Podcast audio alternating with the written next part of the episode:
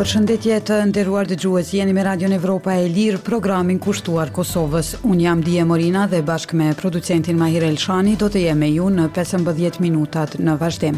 Fillimisht ju njoh me titujt kryesorë.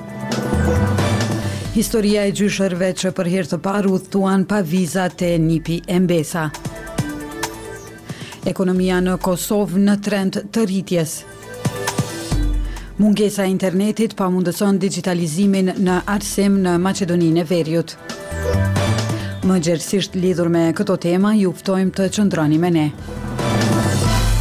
Radio Evropa e Lirë, burimi juaj i informimit. Banka Botërore parashikoi rritje të bruto prodhimit të brendshëm në Kosovë për 3.9% në vitin 2024 dhe 4% më 2025. Me parashikime edhe më pozitive për këtë vit doli edhe Banka Qendrore e Kosovës. Ekspertët e fushës së ekonomisë shpjegojnë se cilat janë shtysat për rritje të ekonomisë në Kosovë, por gjithashtu parashohin edhe pengesat e mundshme për rritjen e tillë. Ndër to është migrimi potencial i qytetarëve pas liberalizimit të vizave. Ndjekim në vazhdim materialin nga Bekim Bislimi. Shërbimet në tregti dhe teknologji informative, konsumi dhe ndërtimtaria ishin faktorët kryesorë që i ndikuan parashikimet pozitive për rritje ekonomike në Kosovë, vlerësojnë ekspertët e fushës së ekonomisë. Në një raport të publikuar këtë muaj, Banka Botërore parashikoi rritje të brutoprodhimit të brendshëm në Kosovë për tre pikë nëntë për qind në vitin dy mijë e njëzet e katër dhe katër për qind më dy mijë e njëzet e pesë. Sipas Bankës Botërore, vitin e kaluar, Rritja ekonomike ishte tre pikë dy përqind nga tre pikë pesë përqind sa kishte qenë parashikimi. Me parashikime edhe më pozitive për këtë vit, doli Banka Qendrore e Kosovës sipas të cilës, aktiviteti ekonomik në vend do të shënojë rritje për rreth katër pikë dy përqind. Kjo rritje pritet të gjenerohet nga kërkesat e brendshme, konsumi dhe investimet, si dhe eksporti, thuhet në një shpjegim me shkrim të Bankës Qendrore të Kosovës dërguar Radios Evropa e Lirë. Ky institucion megjithatë thekson se janë disa faktorë si tensionet gjeopolitike ose migrimi potencial i popullsisë, që krijojnë pasiguri dhe mund të ndikojnë negativisht në aktivitetin ekonomik.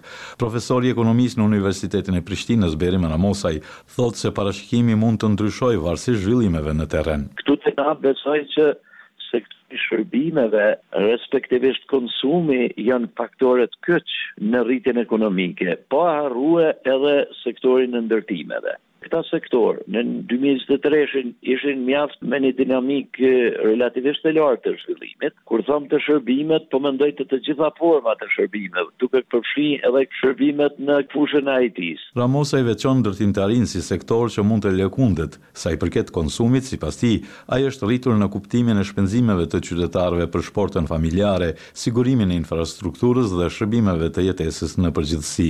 Por, liberalizimi i vizave për qytetarët e Kosovës këtë vit mund të ndikojë në ikjen e qytetarëve që krijojnë familje dhe rrjedhimisht, Në rënien e kërkesës për objekte banimi, theksoi Ramosaj. Kjo nënkupton më pak para në qarkullim, thotë ai.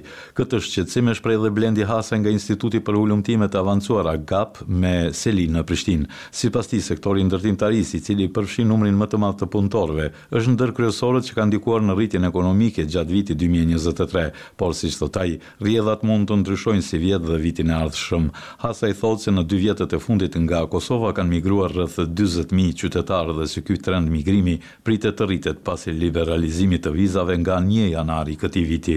Ai thekson se ekonomia e Kosovës është në fazën e zgjerimit dhe se rritja ekonomike prej tre pikë nëntë për qind ose katër për qind Është lehtësisht e arritshme nëse nuk ka pengesa të paparashikueshme. Nëse kemi një krizë me çmime në arenën ndërkombëtare, ajo reflektohet drejtpërdrejt edhe në Kosovë dhe mund të shkaktojë të themi rënie të konsumit. Mirëpo, edhe lëvizja, pra migrimi i cili ndikon drejtpërdrejt, po shihet që po ndikon me tkurrjen e fuqisë punëtore në Kosovë, mund ta ketë po ashtu një efekt negativ, pra që pak ta ngadalësojë rritjen ekonomike në vend. Përmirësimi i nivelit të të ardhurave, rritja e punësimit, avancimi i cilësisë së jetesës dhe të tjera, janë disa prej përfitimeve të mundshme që mund të kenë qytetarët nga rritja ekonomike sipas Bankës Qendrore të Kosovës. Por sipas Ramosajt, rritja ekonomike do të krijonte efekte konkrete pozitive për qytetarët, Vetëm në rast se do të ishte mbi dhjetë për qind. Hasaj, në anën tjetër, vlerëson se rritja ekonomike do t'ia lehtësonte Qeverisë së Kosovës mundësitë e intervenimit në sektorë të caktuar të cilët ajo i konsideron me prioritet. Në këtë kontekst, rritja ekonomike do të mund të krijonte efekte për grupe të caktuara qytetarësh që punojnë në ata sektorë.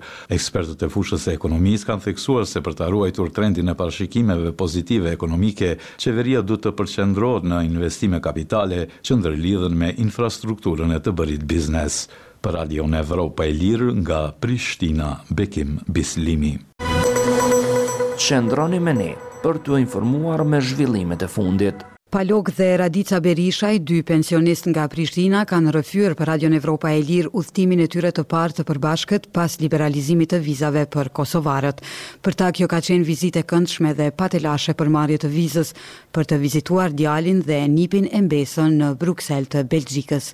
Gazetarja Dorontina Baliu sjell materialin në vazhdim. Gjersa po pinin kafen e zakonshme të mëngjesit në Prishtinë, në ditën e parë të vitit dy mijë e njëzet e katër, Palok Berishaj bashkë me gruan Radicën morën një telefonatë me një kërkesë jo aq të zakonshme.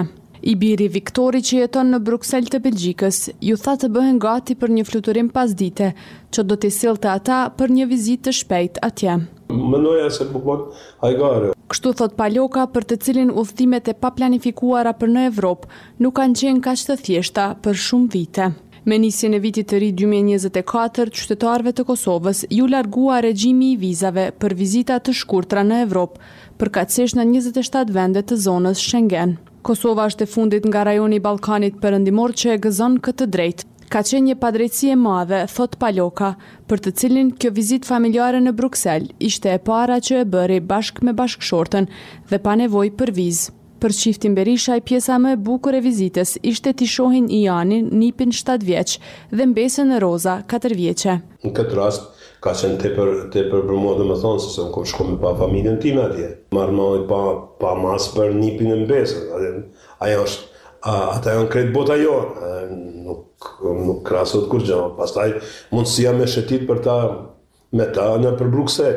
Përveç një problemi teknik në aeroplan që ia shtyu fluturimin për të nesërmen, Paloka, gjashtëdhjetë e nëntë vjeçar, thotë se e gjithë përvoja gjatë udhëtimit, kësaj radhe ishte e këndshme. Atje s'kem pas domethënë kur në kufi s'kem pas kurrfarë problemi, një pyetje mirëseardhje, qëllimi i vizitës, sa mendon me nejt e kaq. Rrëfimin e buzëqeshur të Palokës, ulur rreth tavolinës së zbukuruar për festat e fundvitit, e ndërpret gruaja e tij Radica.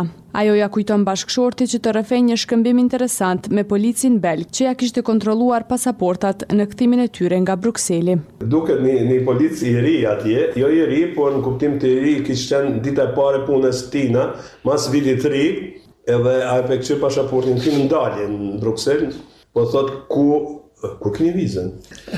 Edhe u thon po na s'kem nevojë për vizë. Ky polic sipas Palokës më pas u konsultua me kolegun e tij në sportelin tjetër, ku Radica e kishte kaluar procedurën e kontrollit. Kërkoj falje thot unë unë jam unë jam unë jam gabim thot ju nuk kini gabim ju nuk kini dre nuk kini nevojë për vizë.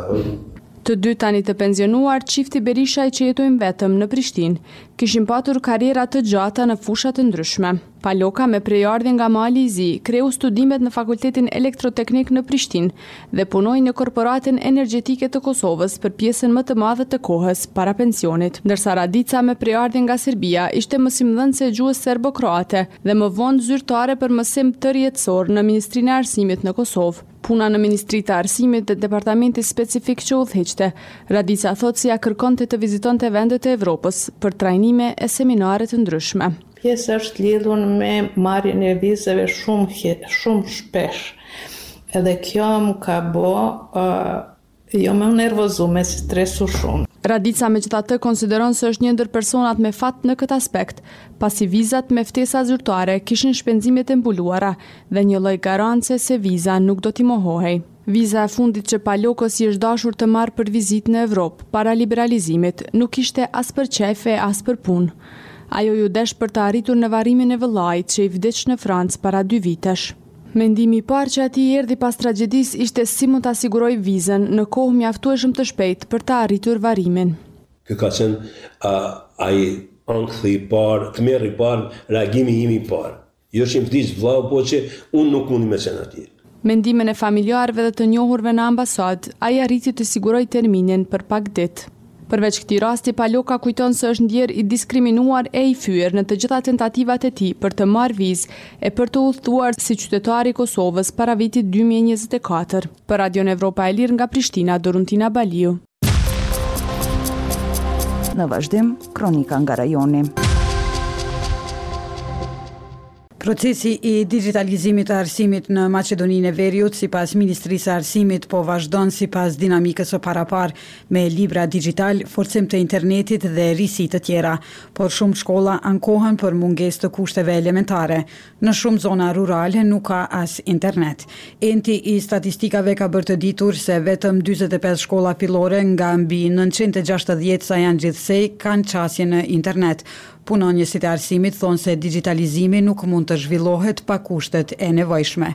Nga Shkupi raporton Isuf Kadriu. Ministria e Arsimit e Maqedonisë së Veriut nga gjysmëvjetori i dytë i vitit shkollor që nis më njëzet e dy janar synon të vazhdojë me ritëm edhe më të shpejtë procesin e dixhitalizimit të procesit mësimor që nënkupton internet në të gjitha shkollat, libra dixhitalë, tabela elektronike, furnizim të nxënësve me pajisje elektronike e risi të tjera.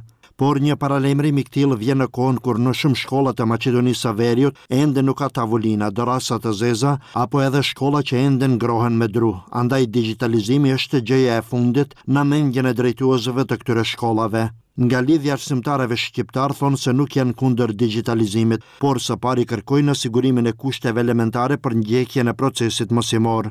Shumë shkolla rurale në rajonin e Likovës dhe Kumanovës në pjesën verilindore të Maqedonisë së Veriut ende nuk kanë qasje në internet, që është kushti kryesor për digjitalizimin e procesit mësimor. Nuk jemi kundra modernizimit ama jo në këtë mënyrë. Në vende malore unë të cilat i përfaqësoj kemi, ne as s'kemi internet e le hajde se më mos flasim tjerat gjona. Thotë Samet Jahiu, mësimdhënës dhe drejtues i Lidhjes së Arsimtarëve Shqiptarë. Në një situatë të tillë janë edhe disa shkolla fillore të komunës së Studeniçanit, rreth 20 kilometra nga Shkupi. Shumica e tyre ngrohen me dru, nuk kanë dysheme adekuate, ndërsa ndodh shpesh që të mos kenë edhe energji elektrike. Këto shkolla nuk kanë as lidhje interneti, kështu që tani për tani nuk mund të flasim për digjitalizim të procesit mësimor, thotë për Radion Evropa e Lirë Mustafa Regaip, drejtor i shkollës fillore Alija Avdoviç. Për kushtet jo të mira në shkolla flet edhe Sutki Ismaili mësimdhënës i matematikës në Tetovë, i cili merr pjesë edhe në trajnime të ndryshme të mësimdhënësve dhe të drejtorëve të shkollave. Ka shkolla në Republikën e Maqedonisë së Veriut të cilat ende kanë mungesë të rrjetit të internetit. Nuk bisedojmë shkollat urbane, flasim për shumë shkolla rurale të cilat nuk kanë rrjetin internet, edhe shkollat, edhe kabinetet e informatikës janë ashtu të themi të stërvjetruara, do të thotë i ka shkelur koha, ka bie fjala laptopët të cilët janë që i kanë para 7-8 viteve që po ato më janë të stërvjetruar, rrallë kush po i përdor ato. Thotë mësimdhënësi Sutki Ismaili. por ai thotë se që të arrihen rezultatet e duhura në nxitjen e digjitalizimit, duhet të ketë angazhim më të madh nga shteti, por edhe nga komunat dhe vetë shkollat. Këto gjëra duhet të siguron shteti, sado kudo po a bëhet, mundet krejt këto menjëherë të bëhen, jo nuk mundet menjëherë të bëhet. Pikërisht do të thotë, duhet të ketë një organizim të mirëfilltë, do të thotë në kuadër të shtetit, të Ministrisë së Arsimit dhe Shkencës dhe komunave duhet të menaxhohet një situatë që digjitalizimi duhet pakëz t'i jepet rëndësi më tepër, mirëpo për të zhvilluar kompetencat digjitale në këtë kohë te të rinjtë te nxënësit duhet patjetër një infrastrukturë digjitale. Thotë Ismaili. Dhe derisa shumë shkolla fillore veçanërisht në zonat rurale janë ende në pritje të investimeve për përmirësimin e infrastrukturës, Në fund të vitit të kaluar, më njëzet e nëntë dhjetor, Ministria e Arsimit doli me njoftime ambicioze se nga gjysmëvjetori i dytë, procesi i digjitalizimit në arsimin fillor sipas konceptit të ri hyn në fazën e dytë. Sipas të dhënave të fundit të Entit Shtetëror të Statistikave, vetëm dyzet e pesë shkolla fillore në vend nga nëntëqind e gjashtëdhjetë e gjashtë sa janë gjithsej janë gati për procesin e digjitalizimit që nga gjysma e dytë e vitit shkollor. Procesi i digjitalizimit në arsimin fillor ka nisur fillimisht me klasat e dyta dhe të katërta dhe më pas me të tretat dhe të pestat, që më pas të vazhdojë edhe me paralelet tjera. Por për shkak të mungesës së kushteve, kryesisht me internetin dhe pajisjet e nevojshme, në shumë shkolla nxënësit kanë qenë të detyruar t'i kthehen librave të shtypur. Për Radion Evropa e Lirë nga Shkupi Isuf Kadriu. Ishin këto të gjitha materialet e përgatitura për edicionin e mesditës. Deri në takimin tonë të radhës, mirëmbetshi.